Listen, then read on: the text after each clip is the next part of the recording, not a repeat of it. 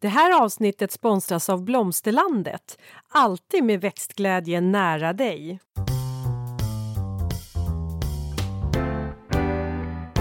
Välkommen till Ulrika och Lindas trädgårdspodd och det är jag som är Linda Kjellén, trädgårdsmästare. Och det är jag som är Ulrika Levin, trädgårdsdesigner. Och kära lyssnare, idag ska vi fortsätta med vår följetong eh, om färger. Vi ska faktiskt prata blått och violett idag. Och till er som eh, inte har lyssnat på vårt första avsnitt om färg, avsnitt eh, 79, där vi eh, avhandlar färgerna vitt och grönt. Där kan ni också ehm, lära er lite mer om färglära generellt, för det tog vi i det avsnittet. Men nu ska vi snarare gå på blått och violett, eller hur Linda? Ja, det ska vi. Och det är ju väldigt intressant. Vi, vi, vi, kommer väl till det också, men jag måste ställa frågan till dig Ulrika. Vad har du pysslat med sen sist vi sågs? Åh, um, jag håller på med ganska spännande projekt, eller mycket, alltså så här många detaljer eh, som faktiskt krävde att jag behövde gå in och titta på en film eh, som heter The Gentleman eh, av Guy Ritchie. Men oj! Eh, Matthew McConaughey är med bland annat och... Vadå, för att få inspiration eller för nej. att reda ut tids... Nej. Eh, jag fattar Men, ingenting. Nej, Va? Exakt. vad, vad hade det? Nej, för det är så här, jag håller på med, eh, med ett projekt i, eh, där kunden har ett väldigt modernt hus. Alltså det är ett eh, one of a kind-hus, verkligen fantastiskt läge. Och så ska jag göra en av deras uteplatser då. Och då vill han ha ett grillbord. Jaha. Och det finns nämligen i den här filmen. Hur kan du veta det?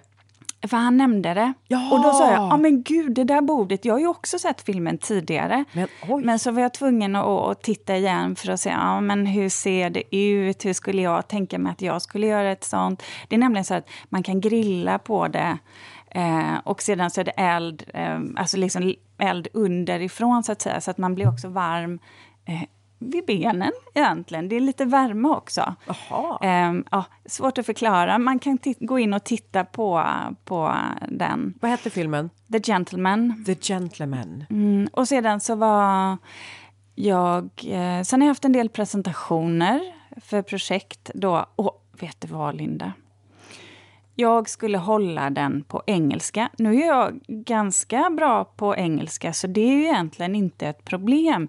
Det är bara det att jag är så himla van att köra allting på svenska, vilket gör du vet att jag har, ja men du vet, alla termer, hela terminologin, sättet man pratar på, ja det har jag ju så att säga, det sitter ju i, som berget. I ett annat språk. I och jag skulle försöka hitta alla de engelska eh, orden istället. Och det var som synapserna, du vet, det var ungefär som en stråle som gick rakt ut i rymden och som aldrig kom tillbaka.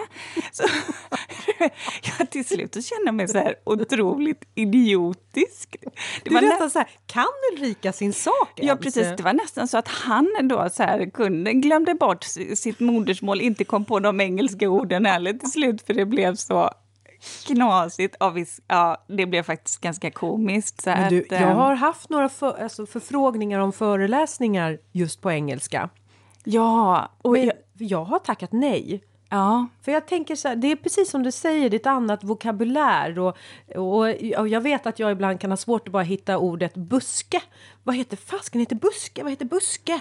Det är, liksom, Exakt. Det, är ju ett vanligt ord att använda i trädgårdsvärlden också. Ja. Det heter ju shrub. Ja. ja. Och jag var ju så, jag var ju så, så här, jag var jag visste ju att han, han är ju engelsman, och sen så, men hans fru då är svenska, så jag tänkte att ja, men du vet, hakar man upp sig så, så kommer jag ha en tolk. Men det gick verkligen, det gick verkligen dåligt. Det var som att... Jag förstår inte. Jag hade ingen kontakt med hjärnan. Har du fått uppdraget?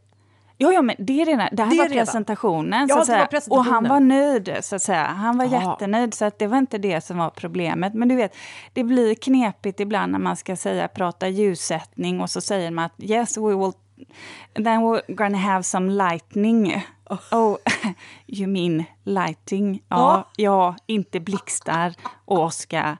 Nej, exakt. Ni fattar, det var, det var på en låg nivå. Ja, eh, jag bara kände att jag var som en våt trasa efteråt. Ibland går det inte bra. Men ritning var bra, så jag bara kände att jag får vila, jag får vila i det. Ja. Du då, Linda? Nej, men tycker inte du att jag ser lite extra kärleksfull ut idag? Att det, det, det, liksom, det är lite små hjärtan runt omkring mig, är det inte Ja, det? du har en liten glow där. Ja, en liten glow. Du, du ler lite så Ja, med ögonen lite. hela tiden. Men vet du Ulrika, det är min och min mans bröllopsdag idag. Grattis! Vi Hur många firar- år? Vi firar 22 år. 22. Då har ni tre år till silverbröllop. Ja, är det så? Är det silverbröllop vid 25 alltså? Ja. Mm. Att jag vet att det är 22 år, det var ju för att vi fick ju, våran son föddes ju eh, 2020. Och då vet jag alltid hur gammal han är och då vet jag hur många år vi har varit gifta. Och 2020 är ganska lätt att avgöra ifrån också i och för sig. Eh, ja, jag Ja. tänkte du, att du sa att han var född 2020 och det tänkte jag, det stämmer Nej, det är han ju inte! Jag satt där med jag matten kan också. inte siffror! Nej, han, nej, gud, och det här blir ju jättesnurrigt. Nej men alltså 20.00 skulle det vara. Och kan vi lämna siffrorna. Men vi kan säga en annan sak. Så att, ja, men så att, grattis till oss. Och sen faktiskt grattis till Ester. Ester har namnsdag idag. Ja, och till alla som heter Ester. Mm. Till alla som heter Ester. Ja, Ja. Eh, faktiskt. För det är ju ett, jag tycker det är ett jättefint namn. Ja, det är faktiskt ett fint namn. Nu kommer Ester Ett gammalt namn. Ja, nu hörde hon det. Mm, nu kommer ett band här. Ja, nu ko- kommer hon... Ja, nu kommer hon till mig. Det här kommer till mig Vad med ett band. ovanligt. Mm, ja, Ja. så därav eh, att jag är lite extra sådär idag. Och det är alltså eh, 22-årig bröllopsdag, inte tvåårig. Nej. fast det, ja. Och du, inte en, du har inte en tvååring heller, utan en 22-åring. 22-åring. Ja. Nej men vadå, alltså eh, vad är det säga, ålder och sånt där, det är ju bara siffror. Men inte ens siffror kan jag hålla koll på. Ja, men du, ska vi, du är ju en mästare när det gäller färger faktiskt. Ja, För men- det är du ju riktigt, riktigt duktig på. Ja, färger det tycker jag om. Ja. Det är roligt. För det här med blått och violett, om vi ska gå in på de färgerna. Eh, när vi pratade färglära så diskuterade vi lite hur man ser färger. Just blått är ju faktiskt den färgen som, som vi har störst känslighet för. Det innebär ju det att om man åker ner i djup, djuphavet, som jag nämnde förra gången, om du har en röd tröja så kommer den uppfattas som blå när du kommer tillräckligt långt ner och solljuset försvinner. I trädgårdssammanhang så är ju den blåa och den blåvi, alltså blåvioletta, den violetta färgen extremt vanlig. Och jag tror väldigt älskad också. Ehm, däremot när det gäller inredning eh, och husfärg så är det inte lika vanligt. Och där vet jag att eh, eh, Ja, en del som älskar lila, violett på, ut, på utsidan i växtlighet har väldigt svårt med samma färg på insidan faktiskt. Och då hur det kommer sig? Ja, Vad är det? Har du svar på det? nej, Nej. det har jag inte. Jag har Alltså- bara konstaterat det, att det är Lavendel eh, älskar ju de flesta, även de som inte gillar färgen violett. Som specifikt, för jag brukar alltid fråga det. Vilken färg man tycker om eller inte tycker om. Och då kan det ju vara så ibland att det, jag har eh, kunder som inte gillar blått eller violett. Eh, men lavendel går alltid hem Ja. av någon anledning. Så. Men Linda, kan inte du dra lite mer kring färgerna? Ja, för det är ju en grundfärg. Ja, eh, så är det. Blått är en av de tre grundfärgerna och de andra grundfärgerna det är ju rött och gult. Eh, så blått det är ju också en, en eh, det här är ju intressant för blått det signalerar ju både trygghet och lugn. Men med blått så kan man också lura ögat. Därför att om man tittar på en alltså om man har ett landskap och så tittar man ut över landskapet och då ser man att det som är lite längre bort i eh, landskapet, det har mer av en blå ton över sig. Och det som ligger lite närmare, det har en mer en varmare ton i sig. Alltså, då upplever man ju färgerna. Men det gör att eh, tack vare blått så kan man alltså jobba med att förstora sin trädgård. Så om du då använder mycket av blåa toner lite längre bort i din trädgård så kan man alltså uppleva att avståndet är längre bort. Mm, intressant. Det har inte Dess- jag reflekterat över. Nej, eh, och dessutom så får man ju också att blått liksom också eh, förstärker den här känslan utav djup. Ja, Gör det. Mm. Blått är ju just... Jag, tänker på att det är ju en färg som vi alla kan relatera till också. Just, precis som färgen grönt egentligen. Den finns alltid omkring oss. Antingen i himlen eller i vattnet, havet, sjöar. Ja. Eh, Men sen är det också så intressant om man tittar på hur blått används annars i samhället. Då kan man titta på att, i och med att jag sa att blått det står ju signalerar för trygghet och lugn. Alltså tryggheten, om man, man tittar liksom, det är fräschör också. Eh, havet, fräschör och, och himlen. Det är liksom, ja det känns lugnt att himlen är ljusblå. Och, och det gör också att många företag de använder sig av den blåa färgen för att förstärka det här lugnet. Ja, trygga. Till trygga. Och då tänker jag, jag jobbade som flygvärdinna. Vilken färg var min uniform? Blåa. Den var blå. Hur är det med poliserna? Blåa. Ja, visst har de det va? Brandmännen. Har de också blåa? Ja. I varje fall deras stationsuniform. Fast nu undrar jag om inte Uffets var svart. Nej, blå. Blå, ja. Sen har ju de eh, en annan, eh, när de har sina övningsdräkter på sig, Ja. eh, så har ju de, då är de väl eh, lite gulaktiga. ja. Smutsiga ofta tycker jag. Om inte annat blir de det. Ja. Men också så här, om man tittar på olika företagsloggor så kan man också se att man gärna får in blått i loggan. Kanske helt blåa loggor. Nu har vi ju än en gång det där flygbolaget eh, som också... Så att blått har alltså ett starkt signalvärde. Så vill man, och det är väl oftast där då om man nu vill kanske göra en rabatt eh, som ska upplevas lite lugn och sådär eh, avkopplande och svalkande så är det då en rabatt som är fylld av lite mera blåskimrande toner. Snarare än motsatsen som då är det röda. Ja. Det röda och det eldiga. Och, och det finns ju också sådär en tester som har gjorts att har man till exempel en, två stenar. Den ena målar man i en röd färg och den andra målar man i en blå färg och så lägger man ut dem i solen. Då kan man känna sen på att den där stenen med röd färg är mycket varmare, eller mycket, men är varmare än den med den blåa färgen. De absorberar alltså i solljuset eh, olika eh, mycket. Mm. Mm. Så det, det är använd, man kan alltså använda sig av den blåa färgen för Mm. att eh, förstärka vissa känslor. Jag vet inte hur du tycker, men, men eh, det här när man tittar på den blåa och som du sa, uttryckte det väldigt fint här tycker jag, blåskimrande, eh, det vill säga att man går över mot det violetta.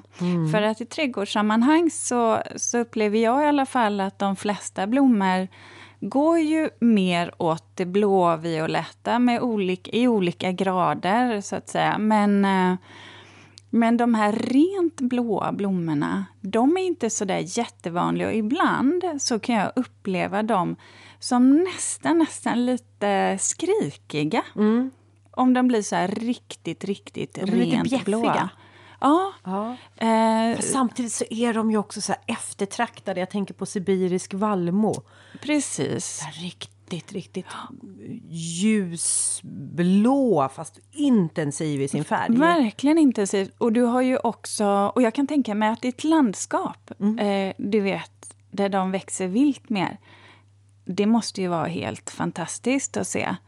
Eh, men, men jag tänker också hortensior går ju också åt det blåa. Ja, det gör de. Kan det ju stämmer. också vara verkligen intensivt eh, rent blå innan Mm. de så att säga ändrar färg beroende lite på sort och så Mm. då. En sommarblomma som går mycket åt det blåa hållet. Det är ju prins Gustavs öga. Ja, just det. Det är en, eh, en liten sommarblomma som passar i stenpartier väldigt väl. Mm. Så, hör, hörde du? Jag kunde den. Du Faktiskt. Ja. Ja.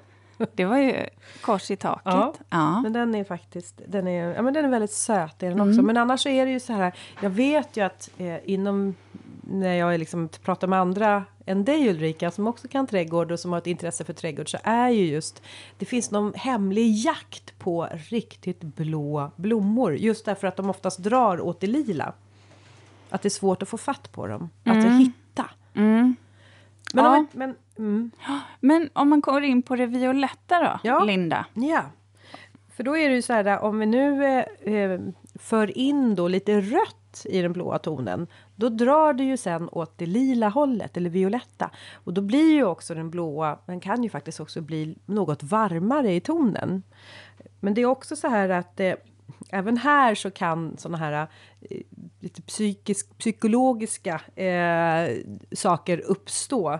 Det är nämligen så att för om man tittar på rött så ger det energi och den där energin den kan ju dra igång kreativiteten hos en.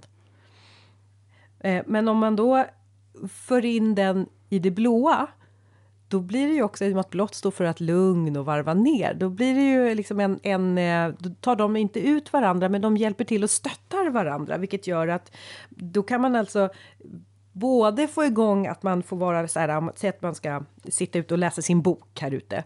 Då kan man alltså både få så här av nyfikenhet på att läsa boken och energi till att göra det samtidigt som man hjälps att faktiskt få varva ner i denna stund med hjälp av violetta blommor. Eller i alla fall den violetta färgen.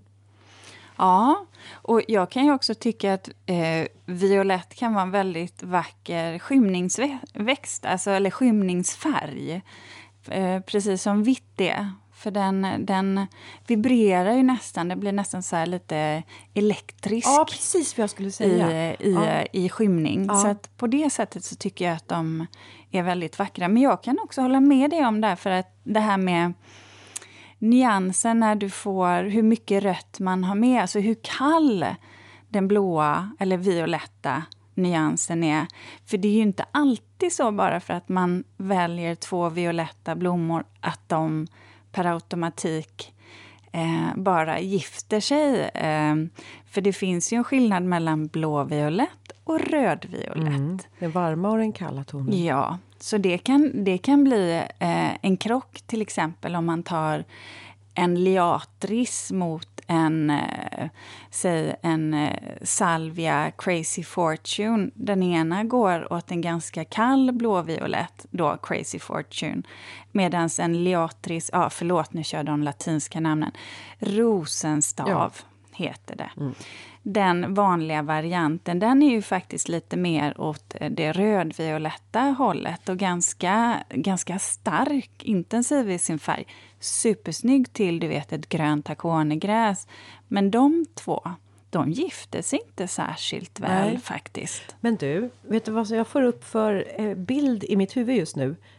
La, eh, vad heter den? Salviafloden i Enköpings parker.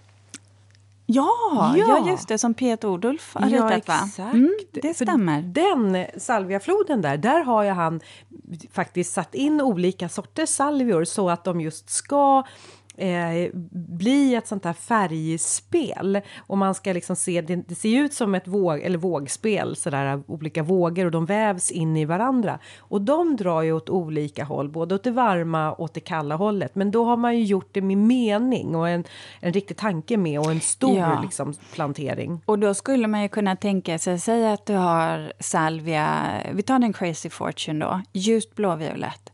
Och sen så sätter du den bredvid eh, steppsalvia caradonna. Och sedan så då bredvid caradonnan, när du ändå har kommit bort lite från, från Crazy Fortune. Eh, men eh, nu sitter jag och tänker på anisört i Crazy Fortune. Jaha! Ja. Ah, ja, men det mm. spelar ingen roll om vi det är salvia, Vi säger salvia Bumble Sky ah. då. Och sen då som den ljusblå. Eh, eh, eller violett, ljus violettblå. Och sedan så salvia caradonna. Och sedan så kan du ju faktiskt gå mot en lite mer eh, rödvioletta bredvid caradonnan som Bumblebee till exempel. Ja, men då är man ju hemma. Man hemma. Ni får googla på de här sorterna så ni ser hur de ser ut när Ulrika pratar om sortnamn. Ja, ja. ja, jag virrar till det lite, men Crazy Fortune är faktiskt en anisört. Så är det. Anisisop. Mm.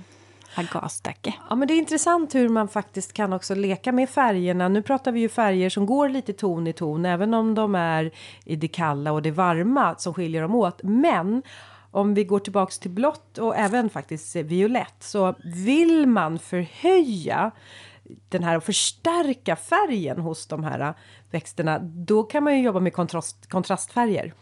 Och så kan man plantera in några, några eh, sjok eller några liksom utav då en kontrastfärg i, i till exempel då orange. Oh, du. Eller mm. or, ja, orange eller aprikost. Mm. Gick du igång på det? Ja, men för, för ofta så är det ju som sagt var att eh, ibland så... Nu har ju vi tagit färg för färg och jag tänker ja. att vi kanske ska liksom säga att man också kan kombinera olika färger med de här kontrastfärgerna. För att just det där som du nämnde nu, att ha en liten mörkare blåviolett nyans, som säger caradonnan då, mm. eh, tillsammans med något som går åt aprikosa eller orange eller eh, or, alltså aprikosros. Alltså, det kan bli så galet ja. snyggt. Och speciellt då i så här skymningsrabatten. Alltså tänk då... Eller sol, alltså solnedgången. Ja, solnedgång, ja, sol, alltså jag det, menar ja. solnedgången när det är så här, det glöder på himlen. Tänk dig en, ett kungsljus. Eh, nu ska jag hålla upp för Ulrika här. Ja. Eh, ett, eh, mm. ett kungsljus mm. som går i de här aprikosa, svagt bruna tonerna. Det mm. finns en som heter Helen Johnson. Mm. Och även tycker jag att de här persikofärgerna i den här lilla, nu gillar ju för sig kanske inte det just eh, Potentilla frutikosa Uh, en liten Ölandstok. Men det finns en som heter Day Dawn. Mm, det, det, är nästan sådär, du vet, att jag kan, jag kan inte det latinska namnet. Jag bara Nej. fick tänka till. Det, ja, det är lite gulligt, fattar. Potentilla fruticosa. Där har vi en, en sån som heter mm. Day Dawn. Också i aprikos, tycker ja. jag är. Och så finns det ju massa olika sorters eh, rödlekor också. Mm. Ja, Salmon ja. Beauty. Åh, uh, ja, precis. Uh, åh, finns det inte en som heter Apple Blossom också. Det nu kan jag... mycket väl finnas. Om ja. inte annat finns det väl en pelargon som heter. Ja. ja. det pratar vi om. Ja. Eh, som, jag, jag, ska se.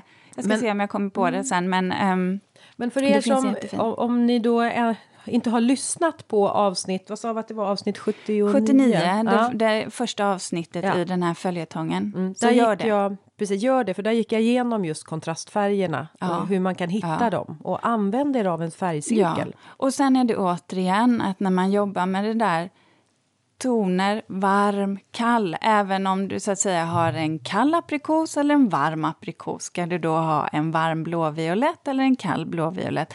Där måste man också tänka. Det är inte bara färger utan det är också toner, mm. upplevelsen av den. Mm. Så, men eh, jag tycker det är en fantastisk eh, kombination, eh, helt ljuvlig, ja. eh, att faktiskt använda som eh, kontrastfärg. Ja. Mm. Om vi tittar på, finns det fördelar och nackdelar med blått och violett skulle du säga? Ja, jag kan väl säga den största fördelen är att det finns så vansinnigt många blommor att välja mellan ja. när vi går i den här färgskalan. Eh, både för, eh, även faktiskt lite för skugga och halvskugga. Framförallt i solljus eh, är det ju så att det finns en uppsjö mm. av blommor att välja mellan. Um, sen tycker jag att vi har nämnt några, att de är vackra i, både i solljus, mm. ganska skarpt solljus, uh, men också i skymning. Har du några sådär mer än det vi har pratat om? Nej, men jag, jag håller med om det. Men finns det någon nackdel med dem då? Um, I växtväg så kan jag inte se det. Däremot så kan jag tycka att den, den blå färgen eh, kan vara knepig om man ska måla sitt hus till exempel. Det är lätt att den färgen kan bli fel. Lite som vi pratade om när vi pratade grönt. Mm. Att eh, man inte är beredd hur färgen ska upplevas i vårt kalla vinterljus. Det kan man ju ändå fundera lite över. Mycket lättare på insidan, mm. tycker jag när man tittar på både de mörkblåa varianterna och ibland också det violetta violetta. Mm. Violett är ju inte så vanligt att man jobbar med på ja, men du vet, husfasader eller spaljer eller någonting sånt. Det är ju, det är ju mer en växtfärg, däremot inredningsmässigt.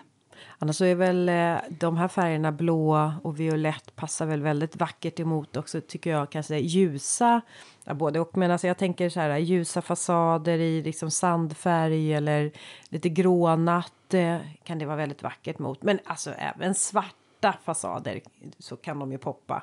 Mm. Om man tänker det blåa eh, här nu. Ja, mm, precis. Det lila, det, det violetta, det kanske försvinner in lite för mycket.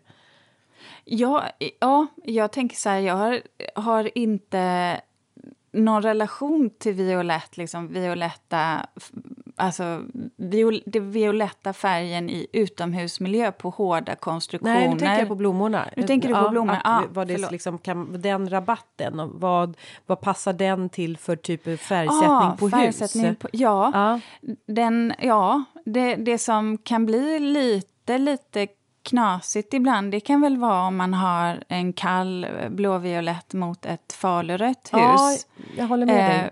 Det kan bli men- lite för, för stora Men en ska aldrig säga aldrig, tycker jag, när det gäller färger. För att det handlar om omgivningen, det handlar om vad man har parat ihop det med och vilken nyans man i så fall har på det röda. Så jag tycker att där måste man nästan uppleva lite på plats eller ha en känsla för eh, vilka, att man kan sina färger på växterna faktiskt. Och då också tänka på gentemot, alltså, eller mot en husfasad till exempel. Sen är för det är alltid fint att kunna plocka upp färger som finns, som du säger, också i naturen. Jag vet ett år, då gjorde jag ju, har jag tror jag berättat om tidigare, men då frösådde jag ju linblommor i en bergskreva, eller så här, mellan två berg ute på vårt landställe. Och det är ute i skärgården, så då hade var liksom, det var så läckert med, det var den blåa himlen och det var det blåa havet. Och sen uppe vid huset så hade jag det här blåa linfältet. Det blev det blev sån jädrans snygg eh, koppling. Det häng, allting hängde ihop, liksom himmel, hav och, och mark och jord. Och där har vi ett rött hus. Men där, där tänkte jag, jag, jag bryr mig inte om ifall det passar eller inte, utan jag ville bara ha. Ja, och sen så beror det ju på från vilket perspektiv ser man det. Man kanske aldrig tänkte på de där linblå, linblå eh, blommorna eh, i anslutning till huset. Och det är ju återigen som jag sa, man får testa sig fram och jag tycker man får prova. Och här kan ju vara ett tips att faktiskt köpa en eller två av en växt bara, eller på plantskolan, om de är i blom. Sätt ihop dem då. Och, och känn efter, blir det här bra eh, tillsammans? Eh, så kan man ju faktiskt eh, hjälpa sig själv den vägen. Det är ungefär som när man ska måla om hemma. Man brukar oftast ta en liten målarfärgsburk, provburk och så målar man och så sitter man och vänjer man sig. alltid göra. Alltid göra det. Alltid, alltid göra. Och tänka på också lite då vilken textur man har. Om du målar upp någonting på ett träplank men har en putsad vägg, ja, kan färgen upplevas lite annorlunda. Mm. Sådana saker behöver man också tänka på. Och speciellt kanske viktigt om man nu skulle välja eh, att måla sitt hus i en blå nyans. Att man verkligen kollar eh, vad det blir. Ja, det Eller hur det blir. Ja, hur det blir. Vad det blir, ja det hoppas jag att det blir blått om det är det man har tänkt att välja. Men hur det blir, hur man upplever det. Och lite som vi sa i förra avsnittet, testa gärna vintertid Mm. då också. Se hur det där blir under säsong. Linda, visst är vi stolta över att ha en sponsor till dagens avsnitt? Ja, och det är Blomsterlandet. En trädgårdsbutik nära dig med butiker över hela landet och en e-handel som är öppen dygnet runt. Välkommen! Om jag får ställa frågan till dig då. Favoritfärg bland eh, färger att färgsätta rabatten med? Jag har fått en känsla av att du går mot det violetta eller kanske mera rosa. Ja, nej, violett. Får jag, Det är får jag violett. väl- Ja. Ja. Det är lite så här, jag har ju lite blått på mig idag, ser du inte det Linda? det har du. Jag, jag är som vanligt jordfärgad. Naturnära. Naturnära. Ja, himmel, himmel och jord. Du, himmel och jord! Alltså vi två Ulrika. Va? Eller hur? Ja. Ja. nej, men jag, jag är väldigt, väldigt förtjust i den här eh, färgskalan, den kalla, kalla eh, pastellfärgen också. Men som sagt var, kan gärna kombinera den med andra färger också. Jag tycker den är så användbar. Ja. Du det. kommer ihåg när vi var på Tjolöholms, i, eller Tjolöholm i somras? Då stod Ja. vi vid den här rabatten precis framför slottet. Ja, mot havet. mot havet. Och då hade de ju en rabatt som de också hade namngett. Hette den inte så här havet? Den hette någonting. eh, som Eh, anspelade... Mot himlen. Eller ja, var det inte nej, deras det var deras valspråk. Ja, men var det ja. inte det man hade... Eh, Ja, det var kanske det de hade inspirerats av när Ja. de hade valt växterna. I Ja. vilket fall så var ju det den här blå-lila rabatten. Och du och jag, vi fastnade ju där och tyckte att det var så himla läckert också med, eh, visst var det martorn som stack upp lite överallt? Ja. Det stämmer. Så, Så var det, martorn tillsammans med eh, steppsalvia. Ja, Mm. det var det. Det var, det var läckert. Men du, Du kanske har lite växtförslag? ja, ska Ja. vi gå in på dem? Ja, vi går in på lite växtförslag. Ja, och nu blir det ju då växtförslag för en solig rabatt. Eh, och också växter som tål, som tål lite torka. Ska vi gå in på nu då. Eh, Plocka fram penna och papper. ja, tack Linda. Det var faktiskt bra att du påminde om Ja. det. För nu kommer det några sorter. Och så får du komplettera sen Linda med lite, kanske sommarblommor. Ja, kanske sommarblommor och kanske några lökknöllväxter. Ja, då ser vi. Eh, då börjar vi som, eh, som vanligt med kantväxten då.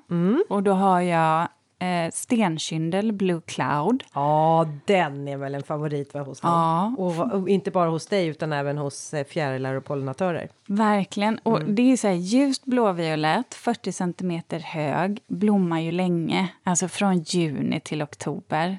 Kanonväxt. Fantastiskt. Den, det är en sån här växt som har missuppfattat att den är en perenn och inte en ettåring. Ja. Ja. Va? Men det är ju en perenn. Jag vet, jag säger ju det, men den har ju missuppfattat det. För det är ju Ja, jag du menar så. Ja, jag säger Ja, ju så. förlåt. Den lurar ju dig. Ja, det, Alltså det, det, man, det, är ju, det är så sällan man hittar just, alltså det finns ju, det är klart att det, för det finns ju perenner som är så här Mm. långblommande, men sådana som verkligen är det, det är, hittar man en sån, hugg den. Så jag förstår att den där det stenkynden, verkar inte bara vara så när det gäller det engelska språket utan även eh, kopplingar. kopplingarna. Eh, verkar inte funka de i det här läget heller. Ja. Ja.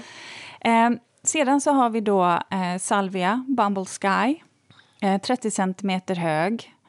Blommar juni, eh, hela sommaren, juni till augusti. Ja. Ehm, Oj, vilken pangrabatt det här verkar bli.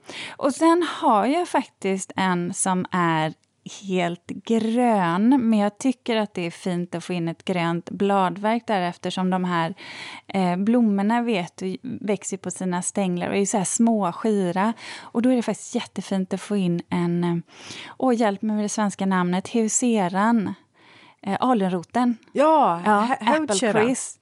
Ja, säger jag. Ja. apple crisp. Apple crisp. Eh, Den har ju vita eh, blommor, men det är inte därför man använder den. Utan det är ju egentligen för bladverket som jag tycker att man ska ha det. För att kontrastera lite till bladverket i salvian och i stenkynden. Eh, För de har lite så gröna silvermarmorerade blad. Det blir väldigt snyggt de här blommorna. Eh, man skulle också kunna ta lavendel Munstead om man verkligen vill ha någonting som går eh, blommar i violett. Hela eh, blåviolett då. Eh, då kommer vi till mellanpartiet. Ja. Ja. Då har vi anisörten Blue Fortune. Ja, det är klart Mm. att den inte, inte skulle du, den rabatten blir väl inte komplett innan Nej. du får slänga in din anisört. I, I love them, Ja. så att säga. Inte alltid eh, så långlivade. Eh, de kan ju ibland gå ut, så är det. Men eh, jag tycker de är väl värda att odla ändå. Runt 80 centimeter hög blir den här.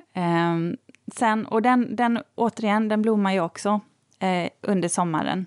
Där. Mång- Det är många spiror just nu. Ja, Ja. det blir det. Ja, det blir och, och det. de flesta blir det. det här, nu är det ju så här, nu tar jag en helt blåviolett eh, variant. Man skulle kunna blanda in andra eh, blommor också, det kommer jag göra. Men eh, det är ju så om vi bara ska jobba med en färg.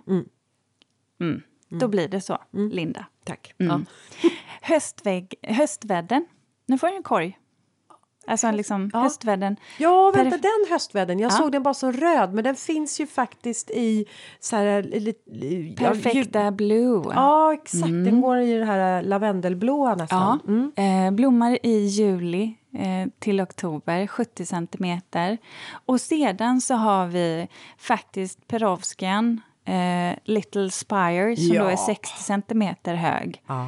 Man skulle faktiskt kunna eh, slänga in möjligtvis höstfloxen Blue Flame som är egentligen vit med så här blåviolett kant. Ja. Eh, om, om man får problem med härdigheten med Perovskian, för den går ju bara, det är ju en C-perenn. ja. Eh, det skulle man kunna göra. Grejen är ju bara då att höstfloxen, den vill ha lite mer fuktighetshållande jord. Så då kanske man får kolla, eh, se till så att man vattnar den lite granna eh, så att den inte får mjöldagg på Nej, sig. just det, för det kan den lätt få. Mm. Eh, det var mellanlagret, eller mellan... Oj, eh, det kommer det ännu mer här. Ja, Alltså, Nu- Ulrika, nu blir jag så här sugen på att äta upp din rabatt igen. Ja, Ja, vet du vad? Nu kommer de höga då, Jaha, som du alltid ja, tycker är är, väldigt höga. Ja. Men nu ska vi se. Vad sägs om eh, oktoberstormhatt? Cloudy finns en sort som heter. Eh, den blommar ju i september till oktober, 140 centimeter Men det måste hög. vara den typ, vad sa du, 100? 40 140, cent. Och den ja. är så lite blåviol, alltså blåvit så att den ger nästan lite så här som du vet, jag tänker, jag tänker lite så här porslin när jag tänker, ser Ah. den framför mig när jag ser, ja, Glasyren i en eh, tallrik Jättefin. med... Ja, så Ja. gammalt porslin. Ja, jag förstår. Så, ja, jättefin. Ehm, sen har vi blå bolltister. Bo, va? Nu kan jag inte prata. Bå. Blå bolltister. Ja. Taplow blue. Ja. Mm. Augusti, september. De där, de där är jättesnygga ihop ju, spiran Ja. och klotet. Ja. Och, mm. Och det här, de kommer ju, det här är ju perenner som kommer lite senare. Även kransveronikan, då, lavendelturm. ja. eh, som blommar i juli till september och blir 150 centimeter hög, är jättefin. Eh, kan man, man kan med fördel plantera in blåvioletta lökar där, som till exempel allium också. Eh, eftersom de här kommer lite, alltså det är lite senare på sommaren som de här eh, mellanväxterna då, mellanpartiet kommer igång. Ehm, och, nej förlåt, inte mellanpartiet, de här höga perennerna. ja, jag tänkte varför pratar du om mellanpartier? Mm. Nej. Jag tänkte du Ulrika har koll. Ja, Ja. nej, det hade jag inte Nej, nu. du Men inte. så här, och det här glömde jag ju säga, för att nu pratade vi om det här kantväxt, ett mellanparti och sedan de högre växterna bak. Och det är ju det vi har jobbat med nu. Sen är det ju så här att den oktoberstormhatten, den är ju giftig. Eh, vill man absolut inte ha det, eller man vill ha en lite stramare rabatt, eh, då skulle jag dra in ett eh, japanskt gräs, eh, Graciella, som får lite silvervita plymer sen. Det blir fint. Ja. Riktigt, riktigt. Gud, vilken... Vad generös du delar med dig nu. Ja, Ja. nu får ni några av mina bästa tips Ja. faktiskt. Om jag skulle bara vara lite så här fräck och slänga in en som jag skulle tycka får kunna passa fint där. Ja. Eh, vet du vad det är? Nej. Eh, nu har jag en bild på den till dig också Ulrika. Och eh, det är ju vaxblomma. Purpurescens. Eh, inte den himla läcker? Ja, ja. Och den har ju, vaxblomman den, mm, den har både som lila klockor och sen har den som foderblad kan man säga som går över som är mera åt de här bl- mörkblåa ja, riktigt så här pur, mörk, mörkblått liksom håller det. Visst är den läcker? Ja, det var den faktiskt. Ja, och den skapar också en liten mjukhet. Den är väl inte så här superhärdig, eh, men den är väl värt eh, att eh, göra sig ett försök på att odla. Det, var, det var en perenn alltså? Precis. Mm. Men den är lite sådär, en vissa, ibland så kanske om man bor lite högre upp så kan det nog vara så att man får räkna den som en ettåring. Ja, jag har faktiskt aldrig jobbat med den. Nej, Mm. men du blev lite sugen va? Ja, vaxklocka. Nej, vaxblomma. Vaxblomma, ja för jag tänkte vaxklocka har jag jobbat Ja. med, men det är ju någonting helt annat. Det här heter vaxblomma och den Vaxblomma, är ja. Mm. purpurescens. Heter den. Hade du några, hade du några andra då, så här sommarblommor som du tror skulle Ja. passa? Ja, Ja. det har jag. Ehm, och då har jag tagit, måste jag plocka fram min här? Jo, vet du vad? En som jag tror du kommer tycka är väldigt, väldigt fin. Nu börjar jag nog 60 centimeter. Vart hamnar den då? Ja, men då är det mellanskiktet. Det är mellanskiktet. För vi sa ju det att eh, kantväxten mellan 20 till 40, eh, mellanpartiet mellan 60 till 90 och egentligen det bakre partiet, eller ja, någonstans från 100 till upp till 150 eller däromkring. Okej, men då börjar jag så här. Då börjar Ja. jag med eh, det, det låga partiet, kantväxterna. Ja. Och då får det bli strandkrassing.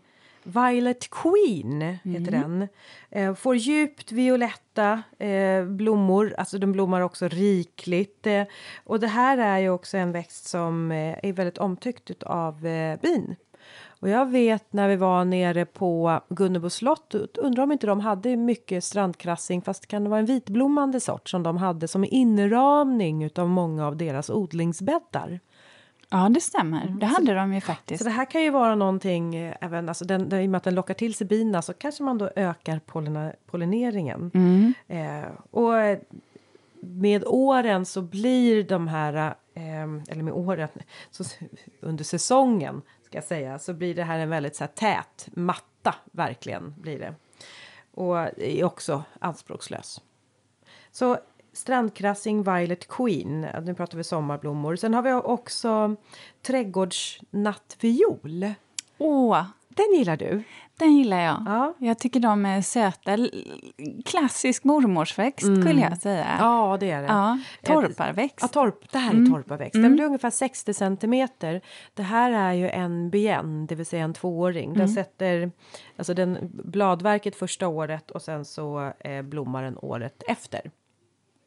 Och den eh, är ju också en gammaldags växt som eh, har en väldigt eh, ljuvlig doft. Ja, det har den. Kvällstid. Mm. Då, då sprider sig den här doften. Ja. Mm. Oj, om man hör någon som snarkar nu så är det Ester som ligger här bredvid och snarkar. ja. Ja. Eh, sen har jag då, om vi då ska slänga in någon i eh, lite högre, i, eh, då blir det alltså inte, det, inte kantväxt, inte mellan, utan det här blir Det bakre. det bakre. Det blir då. då blir det det bakre. Och då har jag en dahlia. Och en Ja, dahlia som De heter... kan jag dra iväg. Ja, de kan dra iväg, ja. Ja. Och just den här heter Blue Boy. Okej. Mm. Ja. Jaha, Blue Boy. Den eh, får just eh, eh, en kall blå-lila färg. ja. Eh, och, eh, och även kan den påverkas av eh, hur liksom när solen lyser väldigt starkt. Då Mm. blir de här eh, kronbladen nästan alltså, lite mera pastellila går de åt då. ja.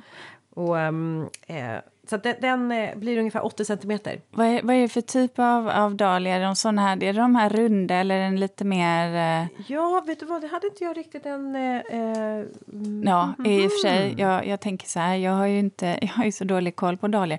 Men den dahlian, vet du, när du beskrev den, Ja. eh, så skulle jag, då skulle jag byta ut den, eh, byta ut stormhatten, oktoberstormhatten faktiskt, och dra in den istället. Ja. För då tror jag att det blir snyggast till färgskalan. Då tar Ja. man bort det där lite blåvita, porslinsblåvita. ja. Och så kommer den in, då kommer, åh, då kommer hela... Då kommer hela planteringen skifta lite i färg. Just Upplevelse. Det. Ja, Mm. det, det här är en dekorativ dahlia. Dekorativ dahlia. Ja, just det. Den är lite så här fransig ändå. Mm. Ja, fransig är den. Ja. Jag tycker att den är så här klassisk dahlia. Ja, jo, jag vet, men jag, jag tänker så här, alla eh, är ju inte så där superbra Nej. på dahlior, till exempel jag. så jag tänker vi kan vara lite tydliga. Ja, det tar tid. Ja. Och så här är det ju som vi sa, nu för er som då inte har lyssnat på det första eh, avsnittet, återigen, jag tycker ni ska göra det. Eh, så får ni lite färglära. Och också hur vi tänker när vi komponerar de här rabatterna. För att nu låter ju nu låter det ju som om att vi pratar om att rabatterna alltid måste vara raka. Det behöver de ju inte vara, utan Nej. här, här fyller man ju på. Och kantväxten, ja, då har man ju kanske en rad. Det vill säga, men mellanpartiet där, då kan du kanske ha två till tre rader. Och det bakre partiet, ja, det kan vara en eller det kan vara två. Så att det här med, med hur många rader man egentligen har i sin plantering, det beror ju lite på hur mycket utrymme man har. Men jag skulle nog vilja säga att mellanpartiet nästan alltid bör vara minst två rader. För annars så försvinner de in i allt det andra. Framförallt när vi pratar om, om växter som är 150 centimeter höga. Då har de oftast en bredd också. Eh, som gör att då försvinner det här eh, mellanpartiet. Två, kanske till och med tre skulle jag nog gå upp på. Vad, vad tycker du, vad tror du om att väva in de här färgerna i varandra då? Att det liksom det, smal, det smalnar av ena Ja. änden och så breddas det på och så smalnar det av i andra Ja. änden. Och där det smalnar av, där går nästa parti in Ja. och väver ihop sig. En klassiker, det är ju så man i princip jobbar. Eh, nästan du, jämt. eh, vi hade inga eh, klätterväxter. Eh, jo, men jag tänkte så här, vill du ta in någon Ja, klätterväxt? det vill. Vill du ta min klematis då? Nej. Klematis hade ju varit, nej men nu ska jag Ja. hålla mig på sommarblommor. För där hade vi ett Ja. jättebra tips i klematisavsnittet om man ville ha något som gick Just. i ljusblått Ja. och med stenkindel. Men det får ni lyssna på då. Gud ja, det kommer jag ihåg att jag gick Ja. igång på och tänkte. Ja. Nej men du vet vad, jag tänker ju på en, faktiskt en eh, eh, sommarblommas klättrande sån som var en av de första som jag började odla. Och det var blomman för dagen. Jag Ja, blev så det. Ja. fascinerad över de här stora, nästan klockformade blommorna. Det ser ut lite som snårvinda, det här ogräset. Ja, det Fast det de. här är blomman för dagen som inte alls är då... eh, Mycket, men de här är ganska stora blommorna, va? mm, de blir stora blir de, som, som eh, trattar. Ja, precis. och- Odlade inte du dem fast i en annan färg? Jo, jag har haft dem i lite olika färger. Mm. ehm, för att ehm, det stämmer. Men undrar om inte du tänker på klockrankan? Det var den jag hade Just det. senast. Ja, du ser det där. Jag och sommarblommor. Ja. Eh, förlåt, fortsätt med din eh, blomman för dagen. Ja.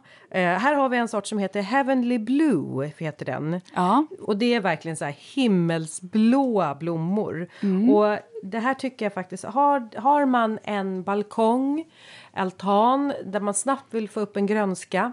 Eh, då är det verkligen eh, blomman för dagen. Får också ganska stort blad, alltså stora blad. Vilket också gör, det är nästan som piprankan fast ändå inte. Ja, och sen så... ehm, men däremot så måste man ju tänka på det. Eh, blomman för dagen, det säger någonting om att den blommar en dag och så tappar den sin blomma. Så man får ju vara beredd på att man får gå och eh, rensa lite på golvet. Ja, eller så får man ha en lite större kruka. Men det Mm. Ja, där lät ju jättefint att det hade ett ganska frodigt bladverk Ja, också. det är verkligen det. Det är så himla trevligt på en liten uteplats eller ni vet om man har eh, eller en balkong eller någonting sånt. Att kunna få upp både blomning och frodig grönska Mm. redan första året. Ja, och det är väl det som jag kan tycka med blomman för dagen, att den har det här äh, stora gröna bladverket. För det gör det ju nästan som att den här äh, blomman för dagen blir ju det blir som en tapet på grön botten. Så det är grön botten och sen har vi de här blåa blommorna som är som dekoration. Ja, och så här är det när Det man finns ju odlar. vitt också, ja, ja, om man nu inte vill gå mot det blåa. För det är ju så här att fördelen tycker jag med sommarblommor, det är ju just det där att eh, ibland har man ju lägen där man faktiskt inte kan ha flerårigt. Det vill säga på en balkong, för det är så himla utsatt så att det tar sig inte alltid. Utan eh, ja, då är det en jättebra blomma. Ja. Ja, vad bra. Bra, bra. Ja, eh, vad fint. Eh, men har vi någonting mer att säga? Nej, nu, nu ska vi väl bara alla börja och, och fundera på vart ska vi nu anlägga Ulrikas soliga blå-lila Ja, du menar så. Ska jag, jag bara- ger alla er lyssnare jobb nu, Elsa. Ja, du gör alla jobb och vi kommer alla ha en Ulrika hemma hos oss. Ja. Eller hur? För sen kommer ju problemet om man nu vill blanda violett med vitt eller rosa. Du- Åh, hur ska hur en ska ännu större då? rabatt. Ja, och sen så kan man jobba med det här stilmässigt och så vidare eh, för att förstärka med olika typer av växter. Så är det ju. Ja. Och, eh, men ja, ska vi... eh, Ska Har, du, vi har, har du någon reflektion i dagens avsnitt? eh, nej, men jag har faktiskt jag har en fråga till dig, Linda. Jaha, Nu får vi se. okej. Oh. Eh, Linda, vet du vad som händer med kossor eh, när det är jordbävning? Men du måste säga en sån här sak till mig. Jag är jättedålig på sånt här. Vad händer med kossor när det är jordbävning? Ja. När det är jordbävning? Nej, men jag vet inte. Det blir milkshake. Åh, förlåt. Förlåt. Nej, egentligen. Så här är det. Jag skulle ha dragit ett skämt om Titanic, men jag vill inte sjunka så lågt. Men vad är detta Ulrika? Vad har du kommit igång med för någonting? Jag har hängt med min tolvåring. Ja. Ja, nu kommer Då blir det så här.